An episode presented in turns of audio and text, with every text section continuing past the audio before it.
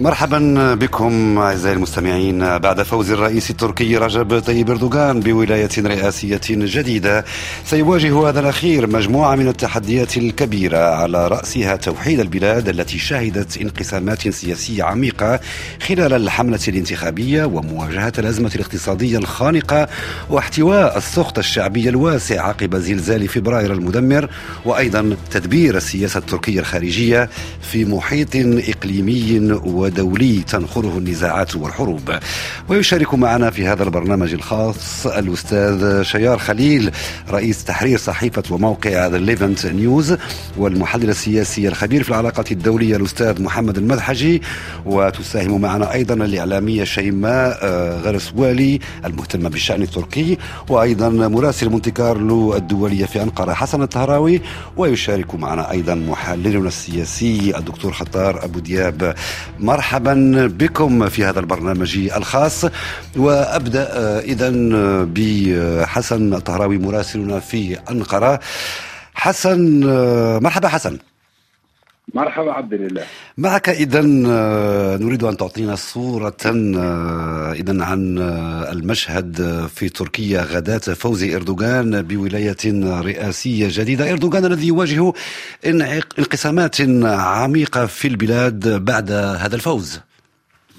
نعم بالفعل عبد الله يعني كانت انتخابات صعبة مهمة للرئيس إردوغان ربما كانت سابقة. ما حدث في تركيا الوصول إلى جولة ثانية. لم تكن تركيا متعودة على هذا النمط من الانتخابات وحتى الرئيس أردوغان لم يكن متعود على هذا النمط من الانتخابات. فطوال فترة حكمه منذ قرابة 21 عاما كان يخوض كل الانتخابات بسهولة لكن هذه المرة بدأ أن مرشح المعارضة كمال كليشتار اولو استطاع أن يحشد واستطاع أن يحقق على الأقل قسم كبير من سواء من انصاره العلمانيين والاشتراكيين وكذلك الاكراد وحتى من من الأحزاب ذات التوجه الإسلامي. آه، ما حدث في هذا في هذه الجولة هو بالطبع أردوغان وحزب العدالة والتنمية يعتبر أنه هذا نصر كبير على صعيد المعارضة هناك إحباط نوعا ما وحالة من الحزن لأن كانت الأمال مرتفعة صراحة نعم. وخاصة في الجولة الأولى بعد كل هذا الذي كان يحدث في تركيا، تركيا تواجه أزمة اقتصادية حادة، تركيا كانت تواجه منذ شباط الماضي آثار وتداعيات سلبية كبيرة لزلزال دمر أكثر من عشر مدن في تركيا. لكن واضح أن أردوغان استطاع أن يحرف الأنظار وأن استطاع أن يخوض دعاية انتخابية بعيدة عن كل هذه القضايا واستطاع أن يوجه اهتمامات الناخب التركي باتجاه التركيز على موضوع الإرهاب. استفاد من كل إمكانيات الدولة الموجودة واستطاع أن يحقق تقدم على على كمال كليشتار اغلو بفارق أربع نقاط، لكن ما يحدث اليوم أو نعم. المشهد الذي تسأل عنه عبد الإله نعم في تركيا انقسام حاد عمودي بين مؤيد ومعارض للرئيس أردوغان، هناك كانت لهجة حادة تتحدث، نشهد في تركيا الآن خطاب قومي تجاه سواء اللاجئين السوريين أو المهاجرين الغير شرعيا. هناك تحديات كبيرة تنتظر الرئيس أردوغان في الفترة ولايته الثالثة وهي الخمس سنوات القادمة. وربما في تقديمك تحدثت عنها ربما الأزمة الاقتصادية. نعم. كذلك حالة الانقسام الحاصلة تداعيات كثيرة فيما يتعلق بموضوع السياسة الخارجية. لكن بكل الأحوال يعني سواء الرئيس أردوغان هناك أجواء من الفرح على في صفوف أنصار الرئيس أردوغان. لأنهم كانوا يعتبروا أن ما حدث هو إنجاز كبير للرئيس أردوغان في هذه نعم. الفترة تحديدا لكن في الطرف الآخر نلاحظ أن آه، المعارضة استطاعت أن تتكتل وأن تتوحد في مواجهة الرئيس أردوغان وربما هذا يشكل تماما. بداية ربما لفترات لفترات قادمة خاصة أن تركيا مقبل أيضا في مارس آذار المقبل على انتخابات محلية ستكون أيضا نعم. حاسمة ومهمة خاصة أن الرئيس أردوغان لم ي... آه، على الرغم من فوزه لم يستطيع أن يتقدم على كريستار اولو في أهم المدن التركية في إسطنبول، أنقرة، اضنا، مرسين، إسطنبول، بالإضافة أيضا إلى التقدم الكبير الذي حققه أردوغان بفضل آه، التصويت الناخب الكردي في حوالي أكثر من عشر مدن في مناطق جنوب وجنوب شرق تركيا حقق كليشتار نعم. نسبة كبيرة في ديار بكر وغيرها من المدن الأخرى تجاوزت 60% نعم حسن قبل أن نفسح المجال آه، لضيوفنا الكرام فقط كلمة عن كليتشدار أوغلو هل آه، من المنتظر أو من المتوقع أن يقود المعارضة ضد أردوغان في هذه آه، الولاية الرئاسية الجديدة أم أنه سيتنحى هناك من تأكيد لهذه الزعامة؟ لا يعني الآن وضع وضعه داخل الحزب ربما تخلخل نوعا ما في دار أولو. هناك كان حديث وهناك تخرج بعض الأصوات صراحة داخل صفوف المعارضة وتحديدا داخل حزب الشعب الجمهوري تطالب كيلشتار أولو بالتنحي. كيلشتار أولو يبلغ من العمر 75 عاما. إذا إذا أراد الانتظار حتى خمس سنوات قادمة سيكون قد تقدم كثيرا بالعمر. لكن أعتقد أن حزب الشعب الجمهوري ربما لن يقدم على قضية إجراء تغييرات داخل الحزب في خلال الأشهر القليلة القادمة لأن أمام تركيا استحقاق آخر كما ذكرت وهو موضوع الانتخابات البلدية في أذار القادم. نعم. إذا ما حدث أي تغير كبير داخل حزب الشعب الجمهوري أو ردة فعل كبيرة لحد الآن لم نشهد هذه الردة. ربما تكون كل التغيرات الواردة في على صعيد حزب الشعب الجمهوري وصعيد المعارضة مع بداية العام القادم. نعم. شكرا جزيلا لك حسن الطهراوي مراسلنا من أنقرة. كنت معنا مباشرة من هناك. وأرحب بضيفتنا الصحفية شيماء غرسوالي أستاذة شيماء إذا كما قال مراسلنا في أنقرة ملفات كبيرة وعويصة وشائكة تنتظر إردوغان في ولايته الجديدة. ومن المتوقع أيضا أن تكون هناك معارضة قوية المعارضة التي حصلت على تقريبا نصف عدد الأصوات في هذه الانتخابات. أهلا بك واهلا بمستمعينا الكرام. أه، طبعا ما رأيناه في هذه الانتخابات هو أمر مثير للاهتمام ويعني نرى الانقسامات الحادة في تركيا بين العلمانيين الكماليين القوميين وبين المؤيدين لأردوغان.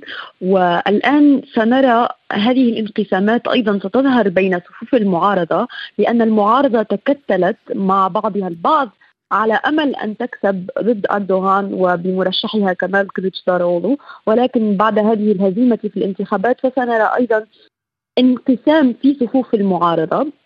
ربما يكون هناك أمل في إعادة إحياء آه هذا التجمع للمعارضة بظهور مرشح جديد كأكرم إمام أولو الانتخابات القادمة والتحضيرات لهذه الانتخابات. ولكن حاليا يبدو أن يعني الحياة السياسية لكمال أولو قد انتهت وقد بدأت معها مرحلة من ال... تبدأ معها مرحلة من الانقسامات ضمن صفوف المعارضة وربما انقسامات أسوأ ضمن صفوف الشعب.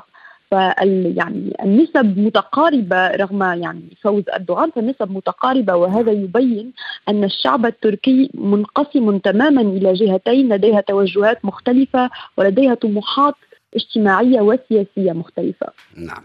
انتقل إلى ضيفنا الكريم الأستاذ شيار خليل رئيس تحرير صحيفة وموقع The Levant News، مرحبا بك أستاذ خليل ومعك نريد أن نتوقف عند موضوع اللاجئين السوريين وأيضا الأقلية الكردية هاتين القضيتين كانتا في قلب الحملة الانتخابية ومحط تجاذبات قوية واحيانا عنيفة بين المتنافسين المنافسين على هذه الولاية آه، الرئاسية الجديدة. في نظرك آه، من الخاسر الكبير في هذه الانتخابات؟ هل هم آه، الأكراد؟ هل هم اللاجئون السوريون الذين باتوا يعانون من موجة كبيرة من العنصرية والتضييق الأمني مؤخرا؟ تحياتي عبد الله مرحبا. مرحبا بك وبضيوفك. للأسف الشديد رأينا منذ بداية هذه الانتخابات والجولات المكوكية التي حدثت بين المعارضة والعدالة والتنمية دائما كان آه، ملف اللاجئين السوريين يستخدم كورقة إن كان من طرف أردوغان أو الأحزاب المعارضة والتحالف المعارض. يعني آه، ما تحدث به كمال آه، كلجدار أوغلو في آخر جولاته والدعايات والبروباغندا وخطاب الكراهية التي صدرها عن اللاجئين السوريين كان مقيتا للأسف الشديد واستخدم بشكل يعني هذا الملف استخدم بشكل سياسي آه، آه، آه، لم يكن جيدا. في المقابل أردوغان أيضا استخدم هذا الملف وتحدث عن أنه لن يرحل السوريين و لن يتأثر الملف السوري رغبة منه بتشجيع السوريين المتواجدين أو المجنسين السوريين المجنسين تركيا في تركيا بتقديم الأصوات له وحصل على ما اظن على هذه الأصوات ولكن رأينا أمس أنه في خطاب الفوز غير بعضا من هذه التصريحات وتحدث أنه سيعيد اللاجئين السوريين إلى سوريا ولكن بضمانات معينة وبتنسيق مع قطر ومع بعض الجهات أي أن هذا الملف استخدم سياسيا بشكل سيء جدا وسيكون السوريين آه، خاسرين في كلا الأحوال في هذه المعادلة آه، وخاصة بالمقابل ليست هناك جسم أو ليس هناك جسم سياسي معارض سوري يدافع ويستطيع التدخل بشكل فعال في هذا الملف. أما الأكراد أنا برأيي آه، القضية الكردية هي قضية أساسية في في في تركيا وسيكون هناك توتر كبير في الفترة المقبلة لأن هناك انتخابات بلدية قادمة وهذه نعم. الانتخابات ستزيد الشرخ بين العدالة والتنمية والأحزاب الكردية، هناك عدة نقاط الاكراد يتخوفون أو يتوترون منها، منها استمرار العمليات الأمنية والعسكرية ضد حزب العمال الكردستاني في جنوب تركيا، استمرار الاعتقالات في صفوف السياسيين والناشطين الأكراد وحصل ذلك أثناء آه، آه، الانتخابات. بجانب آه، التصريحات التي صدرت من قبل العدالة والتنميه إن كان من قبل وزير الداخلية التركي أو من قبل أردوغان عن مصير عبد الله أوجلان وصلاح الدين دمرتاش أنه في في خلال حكمه لن يفرجوا عن هؤلاء. ونحن نعلم تحديدا صلاح الدين دمرتاش هو رمزية كبيرة بالنسبة آه، آه، للأكراد الأتراك آه، بجانب قضية عبد الله اوجلا التي أصبحت قضية قضية أساسية بالنسبة لأكراد تركيا. أظن أنه هناك يعني ملف ساخن سنشهد عليه خلال الفترة القادمة. نعم. أنتقل إلى ضيفنا مباشرة من لندن الأستاذ محمد المذحجي أستاذ المدحجي غداة إذا فوز إردوغان لاحظنا وسجلنا التهانئ التي توالت بعد إعادة انتخابه من الرئيس الروسي بوتين إلى الأمريكي بايدن مرورا بزيلينسكي وإيمانويل ماكرون وكذلك رئيس الوزراء البريطاني وأيضا الحلف الأطلسي الاتحاد الأوروبي. هل نحن أمام حالة من النفاق السياسي الدولي تجاه إردوغان. كانت هناك انتقادات كثيرة لإردوغان بخصوص ملفات عديدة منها ملف حقوق الإنسان وملف آه، الديمقراطية. والآن نجد نفسنا أمام تهانئ آه، تنهال على إردوغان من كل حدب وصوب رغم أن هناك مشاكل كبرى اقليميا ودوليا آه، تجد تركيا نفسها في وسطها. في البداية أحيي حضرتك الأستاذ عبد الإله وكذلك التحية للضيوف الكرام والسادة المتابعين الأفاضل مرحبا بك. آه نعم فعلا يعني إعلاميا في أدنى تقدير رأينا الإعلام الأوروبي والأمريكي يشن هجمة واسعة ضد أردوغان منذ أشهر آه ويصفه بالخطر على الديمقراطية في تركيا والخطر على وحدة الناتو ومن يساعد آه، إمبراطورية بوتين. آه، وطبعا هذه التوصيفات جزء منها صحيحة. أردوغان يدعم روسيا بشكل وآخر ويساعد روسيا بشكل وآخر فيما يتعلق بالعقوبات التي يريد الغرب يفرضها على روسيا ويطوق روسيا. وتركيا لديها موقع جغرافي مهم. آه، في هذا الجانب والآن تركيا لم تنضم إلى هذه العقوبات رغم أنها عضو حلف الأطلسي آه، وكذلك لم تساعد الحلف في آه، يعني وضع ترتيبات عسكرية تساعد الحلف في تغيير موازنة القوى العسكرية في أوكرانيا لصالح كييف.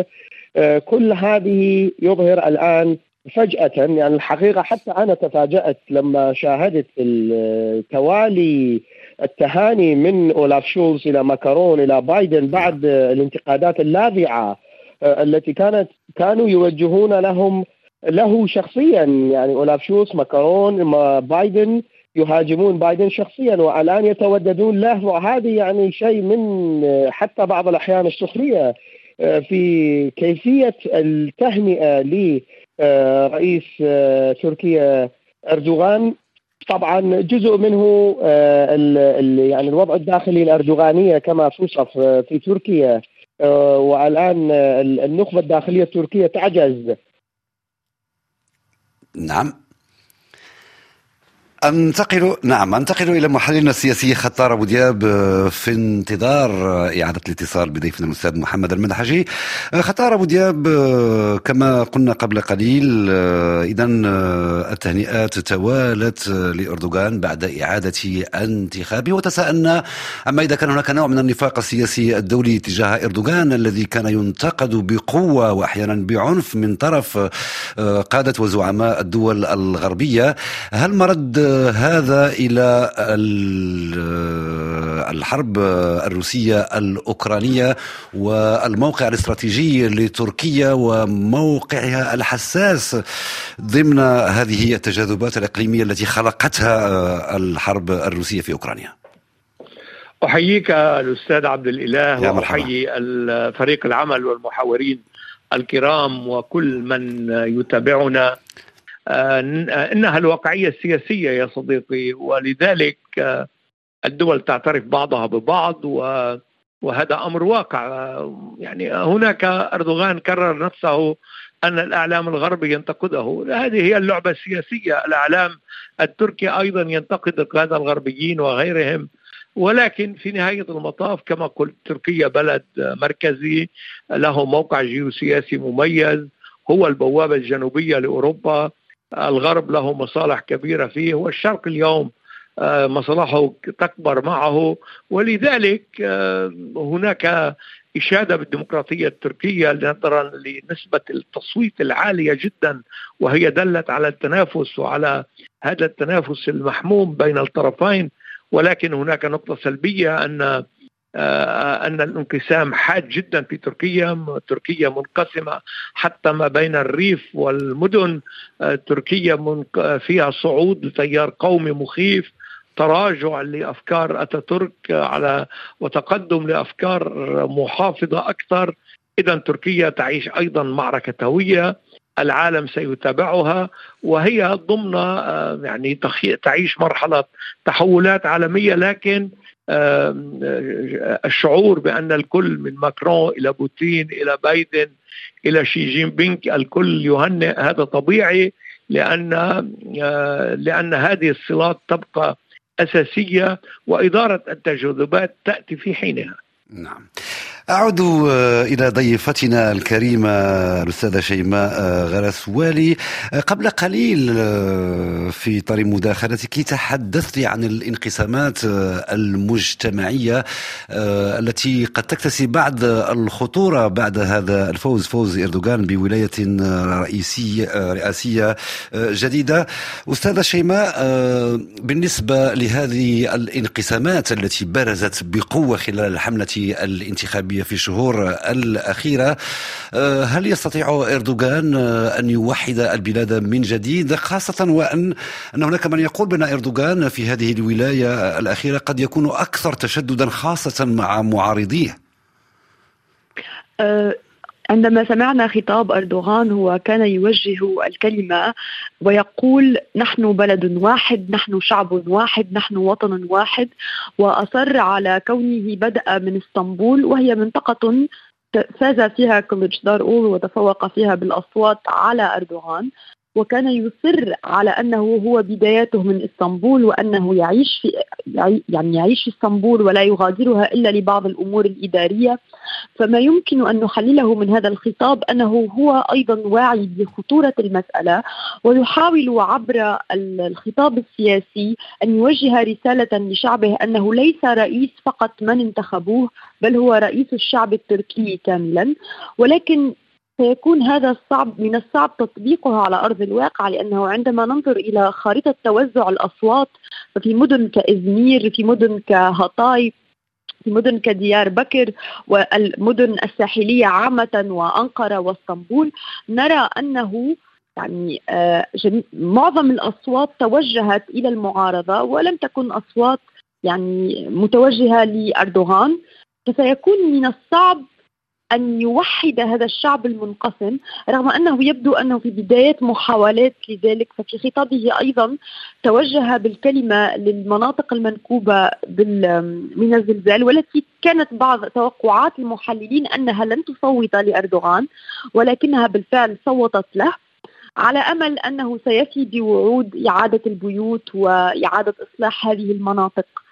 فربما إذا قام ببعض الأمور يعني ببعض الإصلاحات في بداية فترته وواصل في هذا الخطاب الذي يؤكد على أنهم شعب واحد دولة واحدة ورئيس واحد للشعب كاملا ربما قد يستطيع ترميم هذا الشرخ قليلا ولكن يبدو الأمر صعبا مع هذا الانقسام الحاد وبخصوص مسألة تشدده مع معارضيه نعم. رأينا أيضا في خطابه أنه كان يعني لاذعا جدا آه، في توجهه لكمال كليتشدار اولو وللمعارضة ويعني كان يستفز الجماهير التي كانت موجودة في الساحة لي يعني يقوم بأصوات ويقول له bye bye يعني يعني آه، آه، career ه السياسي انتهى.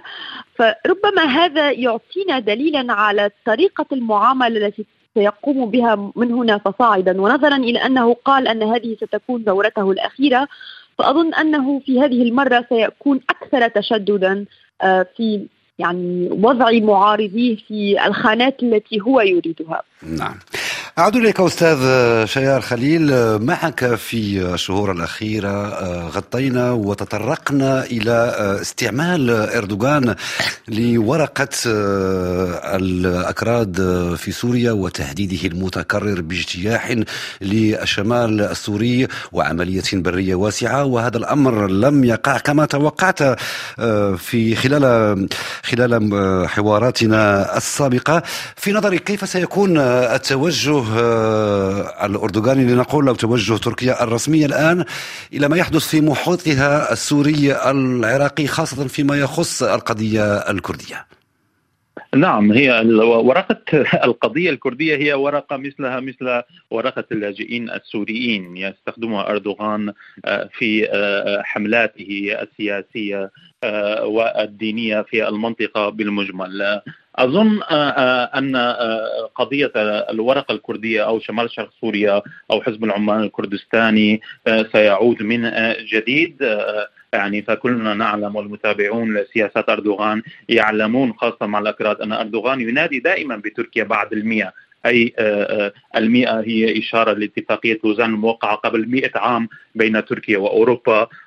وهذه المئة الآن هو الوقت الكامل المتاح لأردوغان آه، ليتحالف من جديد لضم هذه المناطق. يعني لدى أردوغان سياسات قديمة آه، واضحة بضم الشريط الحدودي للطرف التركي. رأينا أن عفرين مثلا هي الآن هي مدينة سورية آه، ذو طابع كردي وأكثرية كردية محتلة من قبل. القوات التركية والميليشيات السورية التابعة لها وهم يتحدثون عن امتداد هذا الاحتلال وهذا الزحف للمناطق الأخرى في الأشهر الماضية رأينا تصريحات وفي حتى في الأسابيع الماضية رأينا تصريحات تركيا من العدالة والتنمية تتحدث عن حلب أن هدفهم هو السيطرة آه، آه، على حلب وليس فقط على الشريط الحدودي وهذا الحديث يتوافق مع تصريحات جديدة لجبهة النصرة والجولاني التي تحدث بها آه، منذ يومين في آه،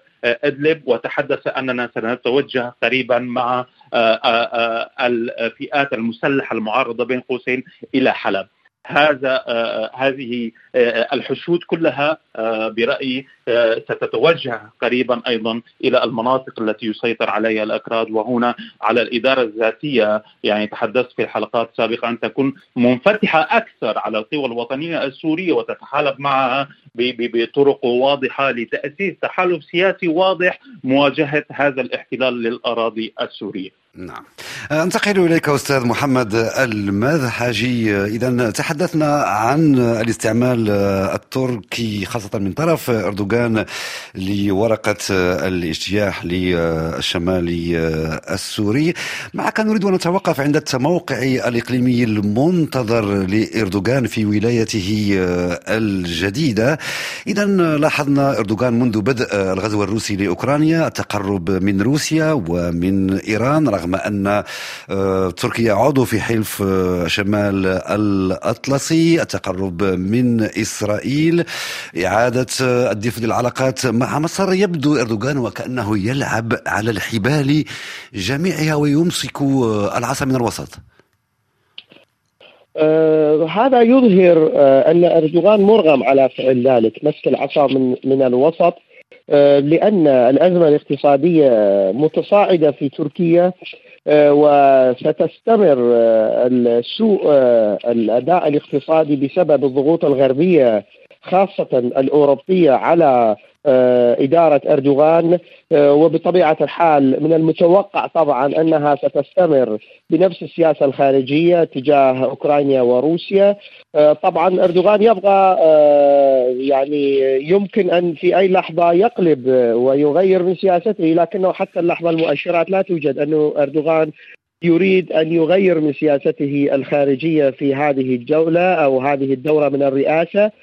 كل هذه الأمور ترغم أردوغان على أن يهدئ مع الجوار فضلا على إنهاء معاهدة لوزان والتي ترفع الغطاء عن تركيا والتزام روسيا بأن قسطنطينية أو إسطنبول هي طبعا نقطة صراع وخلاف روسية قبل معاهدة لوزان وبالمناسبة حتى موقع آه، قناة روسيا اليوم بالعربية نشر مقالا وتحدث عن أن قسطنطينية ستتحدث الروسية قريبا وهذا المقال قد آه، كان قد نشر قبل أقل من شهر نعم. آه، من الآن بالإشارة إلى انتهاء معاهدة لوزان وأن روسيا لم تعد ملتزمة بالغطاء الدولي الذي يضمن وحدة أراضي تركيا الحالية الكيان السياسي الذي أفرزته معاهدة ساكس بيكو أو معاهدة لوزان وساكس بيكو معا المعاهدتين.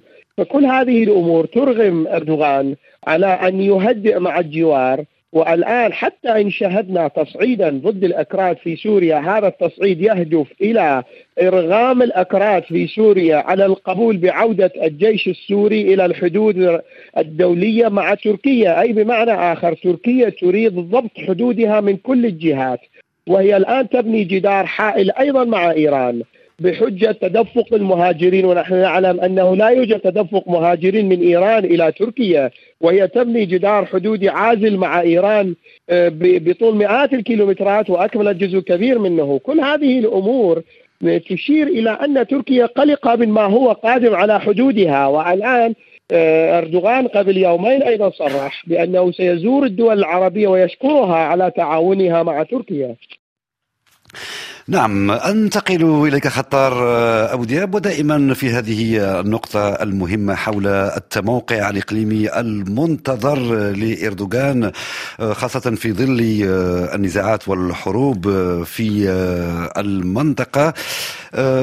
هل سيواصل إردوغان لعبه على كل الحبال لمصلحة تركيا والجمع بين التناقضات خاصة فيما يخص انتماء تركيا لحلف شمال الشمال الأطلسي وتقربها من آه، روسيا. وبالمناسبة بوتين وجه تهنئة حارة جدا آه، لتركيا وأشاد آه، بهذا الفوز وبالديمقراطية التركية. إذا كيف تتصور الخطوات المقبلة في إطار الرقعة الجيوسياسية الإقليمية؟ يعني أردوغان يجمع بين المتناقضات ويحاول تحسين موقعه وهو منذ بدأ عمدة لمدينة إسطنبول التي خسرها في الانتخابات البلدية من قبل وخسرها الآن في الانتخابات الرئاسية لمرتين هو يواصل نهجه. نعم. أنتقل آه، إليك أستاذة شيماء آه، غرسوالي. قبل قليل آه، تحدثنا مع مراسلنا في أنقرة عن المستقبل السياسي لكريتشيدار أوغلو. كريتشيدار أوغلو في الأسابيع الأخيرة غير من لهجته خاصة فيما يتعلق بمصير اللاجئين ومسألة الإرهاب وخلافا لأسلوبه الهادئ الذي اعتمده خلال حملته الانتخابية للدورة الأولى شدد من آه، لهجته محاولا استمالة القاعدة الناخبة للقوميين المتشددين. آه، في نظرك ماذا آه، عن المستقبل السياسي لكريتشيدار أوغلو؟ هل سيظل قادرا على تجميع وتوحيد ست تنظيمات معارضة حوله في أفق الانتخابات المحلية القادمة وأن يقود معارضة قوية ضد إردوغان؟ رغم أن كمال كلتشدار أولو كان يمثل أملا للمعارضة في أن يكون هو فعلا سيد المرحلة والمترشح الذي سيفوز ضد أردوغان إلا أنه ارتكب بعض الأخطاء السياسية الفادحة كالتحالف مع ميت أوزدال وهو قومي متشدد وتغييره لخطابه الذي أصبح خطابا مباشر وخطاب أعنف لنقول ذلك مباشرة فهذا كان خطأه الأول. الخطأ الثاني هو أيضا كشخصية ليس لديه حضور سياسي قوي وليس لديه نعم. أنتقل إليك أستاذ شيار خليل في نظرك هل من مستقبل سياسي للخاسر الكبير في هذه الرئاسيات كليتشدار أوغلو خاصة بالنظر لتصعيد لهجته مؤخرا ضد اللاجئين ومحاولة استمالته للناخبين القوميين هل من مستقبل سياسي واضح لهذه الشخصية؟ آه، نعم برأيي آه، أن المعارضة التركية آه، أخطأت خطأ فادحا في اختيار كمال كليشدار أوغلو كناخب لهم أو ممثلا لهم مقابل وجود إمام أوغلو أو داود أوغلو هؤلاء الذين لديهم كاريزما سياسية مهمة ولديهم أنصار من داخل العدالة والتنمية ويمثلون فعلا الرؤية الالمانيه لتركيا. كمال كليجدار أوغلو والمتحالفين القوميين معه أصدروا صورة واضحة أنهم يمثلون الرؤية القومية وليس العلمانية آه، في آه، تركيا الرؤية القومية المتشتتة آه، والتي أظهرت تشتتا واضحا خلال الانتخابات من خلال تغيير وتبديل المواقف حسب الصناديق صناديق الاقتراع برأيي كمال كليشدار أوغلو يزاح خلال الأشهر القادمة من واجهة هذه الأحزاب وسيكون هناك تبديل لسياسات هذه الأحزاب. يعني رأينا خلال الفترة الماضية أن التصريحات التي خصت داود أوغلو وإمام أوغلو كانت هي مختلفة عن كمال كليشدار أوغلو وهنا يظهر الفارق الكبير في تشتت المعارضة داخليا. هذا التحالف كان هو تحالفا مؤقتا لنتائج عامة ولكن رغم ذلك هم لم ينجحوا بإدارة آه، ملف الانتخابات بشكل آه، حيادي. نعم. أعود إليك أستاذة شيماء وعفوا انقطع الخط قبل قليل ولم تكملي آه، رأيك فيما يخص مستقبل كريتشي دار أوغلو في خصوص مستقبل كمال كريتشتار أولو أه، أظن أنه من يعني الآن واضح أنه لن يكون في الواجهة لاحزاب المعارضة ولهذا التكتل فهو قد استنفذ رصيده السياسي في هذه الانتخابات. و يعني من المنطقي أنهم سيبحثون عن وجه جديد ربما أكثر شبابا ربما أكثر حضورا سياسيا. وأكثر شعبية ليمثل هذه المعارضة وليكون وجهها الجديد أمام يعني الحكومة الأردوغانية وأمام البرلمان الذي أيضا يتمتع فيه أردوغان بالأغلبية. نعم. أنتقل إليك أستاذ محمد المذهبي آه، بنظر إلى الملفات القادمة المقبلة اذا فيما يخص السياسة الخارجية لاردوغان هناك العلاقة آه، الحساسة والاستراتيجية مع إيران. هناك تقارب تركي إيراني طبعا. لكن ماذا عن مستقبل هذا التقارب خاصة في ظل تقارب آخر وهذه المرة برعاية صينية بين إيران والسعودية؟ هل من تموقع جديد لتركيا في سياق هذا الحضور القوي والمتزايد للصين في منطقة الشرق الأوسط. آه، طبعا تركيا تحاول أن توازن هذه العلاقات مع إيران وتبقى علاقة تركيا مع إيران علاقة جوهرية أساسية آه، في المنطقة. آه، وبالمناسبة حكومة رئيسي توافق حكومة أردوغان في كثير في الكثير من التوجهات حاليا حتى تجاه روسيا. حكومة رئيسي الآن تدعم أن تكون إيران جسر تواصل استراتيجي اقتصاديا لروسيا باتجاه المياه الحرة. أخرى آه، وتركيا أيضا تنتهج نفس النهج. آه، بالنسبة للسعودية هناك علاقات طيبة جدا بين الأمير محمد بن سلمان وأردوغان وكذلك الشيخ محمد بن زايد آه، أمير دولة أو شيخ دولة الإمارات و أردوغان وكلاهما دعما أردوغان بشكل كبير من خلال إيداع مبالغ كبيرة في البنك المركزي التركي لدعم سعر آه، أو قيمة الليرة مقابل الدولار آه، والتي إدارة بايدن حاولت أن تضرب آه، قيمة الليرة لكنه السعودية والإمارات ساعدت تركيا ضد إدارة بايدن. فهنا لا توجد إشكاليات كبيرة حاليا في هذه الملفات إلا أن قررت تركيا أو أردوغان أن يقلب سياسته الخارجية ويتعاون مع إدارة بايدن. في هذه الحالة تركيا ستكون في مشاكل مع إيران ومع تركيا ومع الإمارات. آه، نظرا لسياسة آه، هذه الدول في المنطقة الجديدة التي آه، هناك تباينات واضحة مع إدارة بايدن نشهد بين السعودية والإمارات. نعم. آه، خطار أو دياب آه، تكملة لما قاله ضيفنا الكريم الأستاذ محمد المذحجي. تموقع آه، تركيا إذا بعد الدخول القوي للصين في معترك الشرقي الأوسط وأزماته هو رعاية التقارب الإيراني السعودي الذي ينذر بتحولات كبيرة وجوهرية في المنطقة. هل تتوقع أن يواصل أردوغان تحالفه مع إيران ويساهم في إخماد آه، بعض آه، النزاعات المشتعلة في المنطقة؟ يعني ليس هناك من تحالف ما بين أردوغان وإيران. هناك تنسيق والتنسيق يستند إلى مصالح مشتركة بين الجانبين. تكلم الأستاذ آه، خليل عن مسألة الجدار الذي يبنيه أردوغان هنا وهناك. هناك إذا بالنهاية مصلحة عليا بالنسبة لتركيا يربطها أردوغان بشخصه. بالنسبة إلى الصين حتى أردوغان الذي كان يتكلم كثيرا عن مشاكل الإيغور وهم أقلية تركية مسلمة في آه، الصين آه، أخذ يتحاشى هذا الكلام حتى لا يغضب الصين. المحك الكبير بالنسبة لأردوغان إقليميا سيكون العلاقة مع دمشق هل سيكمل التطبيع مع الأسد؟ هل سينفذ ذلك؟ تماما. كيف سيكون الموقف من المسألة الكردية؟ وأيضا آه، العلاقة مع الولايات المتحدة الأمريكية بناء على الموقف من حرب أوكرانيا. إذا هناك ملفات إقليمية معقدة جدا.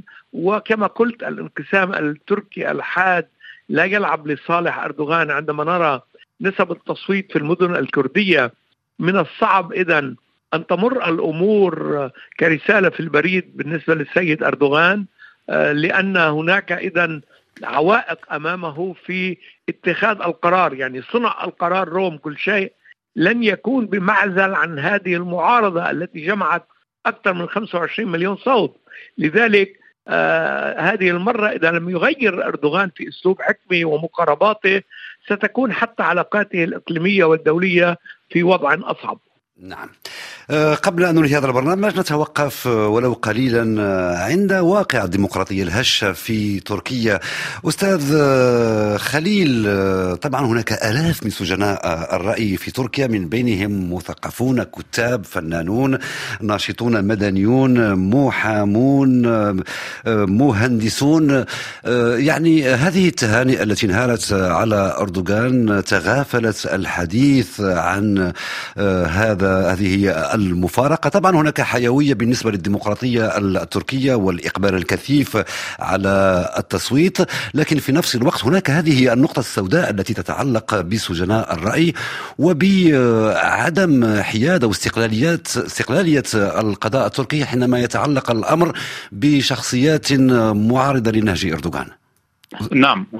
أنا برأيي أن الديمقراطيات التركية بشكل عام في عهد أردوغان وتحديدا في السنوات الأخيرة تراجعت بشكل كبير. يعني ما حدث من اعتقالات وتصفيات إن كان من جانب الكردي أو جانب المعارضة كانت تصفيات كبيرة خلال الأعوام الماضية. يعني خلال آه، حملة الانتخابات آه، تعرض العديد من المثقفين والفنانين آه، الأكراد والمتحالفين معهم في ديار بكر والمناطق الكردية لاعتقالات ولضرب وانتشار كثيف للأجهزة الأمنية. يعني أنا خلال هذه الفترة تواصلت مع عدد من الأشخاص في ديار بكر والمناطق الأخرى. تحدثوا لي أن آه، حتى آه، الكثافة آه، المتعلقة بالشرطة وبالاستخبارات التركية كانت هي مضاعفة عن الانتخابات الماضية. أي أردوغان لجأ إلى موضوع العنف وكان يأخذ هذا الموضوع كإشارة أننا لن نرحم أحدا في هذه المنطقة وحدثت انتهاكات خطيرة. من يتابع الشأن التركي والحسابات التركية يرى أن الاعتقالات منشورة في الفيديو في داخل الأماكن التي خصصت للانتخابات ويجب أن تكون بحماية أمنية. للأسف الشديد قاموا هؤلاء وبأوامر معينة بالتهجم على المعارضين لسياسات أردوغان و بالمقابل الأتراك شكلوا الأكراد عفوا شكلوا حلفا قويا هذه المرة انتشروا في كل القرى وانتشروا في كل المناطق وتحدثوا بشكل شفاف. أننا نختلف مع كليجدار أوغلو والكثير من الأحزاب القومية لكن المصلحة مشتركة لأننا لم نعد نتحمل الهاكات التي تصدر من العدالة والتنمية. لذلك آه، آه، يعني الأشهر والسنوات آه، القادمة سيكون فيها اضطرابات كبيرة وتوتر كبير بين العدالة التنميه الحزب الحاكم والأحزاب الأخرى. الأكراد والقوميين. نعم. أستاذ شيماء غرسوالي إذا نقطة سوداء فيما يتعلق بحرية الرأي في تركيا آلاف السجناء من الناشطين وخاصة المثقفين وأيضا كل الشخصيات التي تبدي تعاطفا مع القضية الكردية اذا هذه النقطة لا يبدو أردوغان بأنه يأبه لها كثيرا ولا يأبه حتى بانتقادات الدول الغربية أو المؤسسات الحقوقية الدولية. أه، هو طبعا لا يأبه. وهناك مسألة أخرى. هو أيضا من يعني فترة الانقلاب قد تغير وأصبح أكثر شراسة وأكثر عدوانية في تعامله مع الصحافة كردية. كانت يعني كانت لها موالاة كردية أو لم تكن فأصبح يفرض سيطرة يعني أقوى على الصحافة على الجامعات بنظام القيوم الذي وضعه. على يعني حتى الصحف الموجودة في سوريا والقناة التلفزيون والراديوهات يعني تبدو أنها مصطفى مع أردوغان ومع حكومته دون أن تقول ذلك طبعا بشكل مباشر. فسيب ربما في فترته هذه سيكون أكثر حدة مع هذه الصحافة وربما ستزداد نسبة آه، يعني المساجين خاصة في صفوف الأكراد. فهو يعني واع أن مثلا في مناطق كديار بكر هناك معارضة شديدة لأردوغان ولذلك هم صوتوا لكلتشدار اولو يعني ك كبديل له فربما سيكون أكثر حدة معه معهم في هذه الفترة. نعم. أه، أعطي الكلمة الأخيرة للأستاذ محمد المدحجي بخصوص هذه النقطة بالذات أه، أه، بالنسبة لحرية الرأي الجميع يتوقع تقريبا أن يستمر أردوغان في قمعه لنشاط المعارضين غير آبه بالانتقادات الغربية.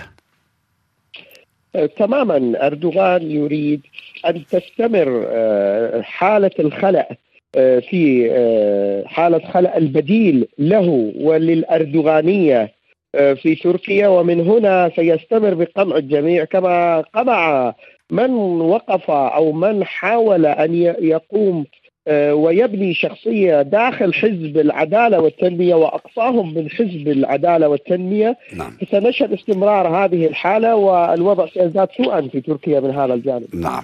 شكرا جزيلا لضيوفي الكرام الأستاذ محمد المذحجي من لندن وشكرا للأستاذ شيار خليل رئيس تحرير صحيفة الموقع The Levant News شكرا للصحفية الأستاذة شيماء غرسوالي والشكر موصول أيضا لمحللنا السياسي الدكتور خطار أبو دياب ولمراسلنا من أنقرة حسن الطهراوي. شكرا جزيلا لكم.